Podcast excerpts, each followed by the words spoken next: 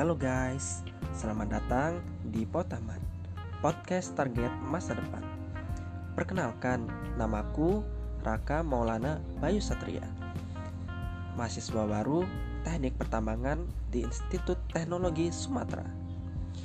Aku tinggal di Lampung, tepatnya di Lampung Utara, Kecamatan Kota Bumi Utara.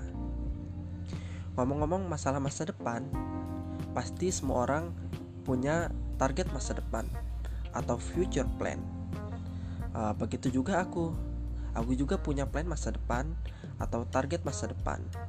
Hal itu uh, sangat penting bagiku sebagai motivasi ataupun visualisasi uh, agar aku dapat mewujudkan apa yang aku inginkan di masa depan. Di podcast ini, aku akan membagikan plan masa depanku yang aku bagi menjadi tiga, yaitu plan jangka pendek, plan jangka menengah, dan plan jangka panjang. Untuk plan jangka pendek akan aku spesifikasikan untuk 1 sampai 2 tahun ke depan. Berhubung aku sebagai mahasiswa baru Teknik Pertambangan di Institut Teknologi Sumatera, hal pertama yang akan aku lakukan adalah fokus belajar agar bisa mendapatkan IP yang bagus di atas 3,5 sehingga pada akhirnya aku bisa mendapatkan IPK uh, eh, yang baik dan mendapatkan predikat cum laude. Kemudian, aku akan mencari pengalaman kegiatan berorganisasi. Menurutku, kegiatan berorganisasi ini sangat penting untuk melatih soft skill dan hard skill kita. Juga nanti dalam dunia pekerjaan atau dunia kerja kita sudah terbiasa untuk mengikuti kegiatan-kegiatan berorganisasi.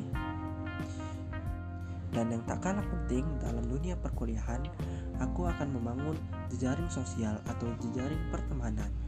Karena menurutku, semakin banyak teman, semakin pula kita mudah dapat mendapatkan informasi, baik informasi dalam kampus maupun luar kampus. Juga kita bisa uh, lebih enjoy dalam menjalankan kuliahnya jika kita banyak teman. Apalagi teman yang bisa kita ajak untuk berkembang. Selanjutnya, plan jangka menengah akan aku spesifikasikan saat aku berusia 21 tahun. Setelah aku lulus kuliah, aku akan mendaftar ke perusahaan pertambangan terbesar di Indonesia, baik negeri maupun swasta. Setelah bekerja, aku akan giat bekerja dan membangun networking. Iya, networking, hubungan relasi dengan orang lain, banyak manfaat networking. Salah satunya dapat menciptakan ruang baru Kemudian, aku akan sering mengikuti seminar untuk meningkatkan skillku, baik soft skill maupun hard skill.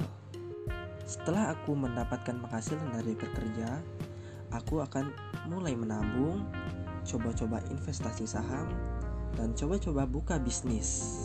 Siapa tahu berhasil ya kan? Selanjutnya, plan jangka panjang akan aku spesifikasikan saat aku berusia 30 tahun. Di umur ini, aku akan mengembangkan bisnis yang ada yang sudah aku rintis uh, sebelum umur 30 tahun. Dan juga aku memiliki target dan plan saat usia 30 tahun aku sudah punya aset dan properti yang nilainya di atas 5M. Untuk mencapai semua itu bukanlah perjalanan yang mudah. Semua itu melalui proses yang panjang dan juga menyulitkan.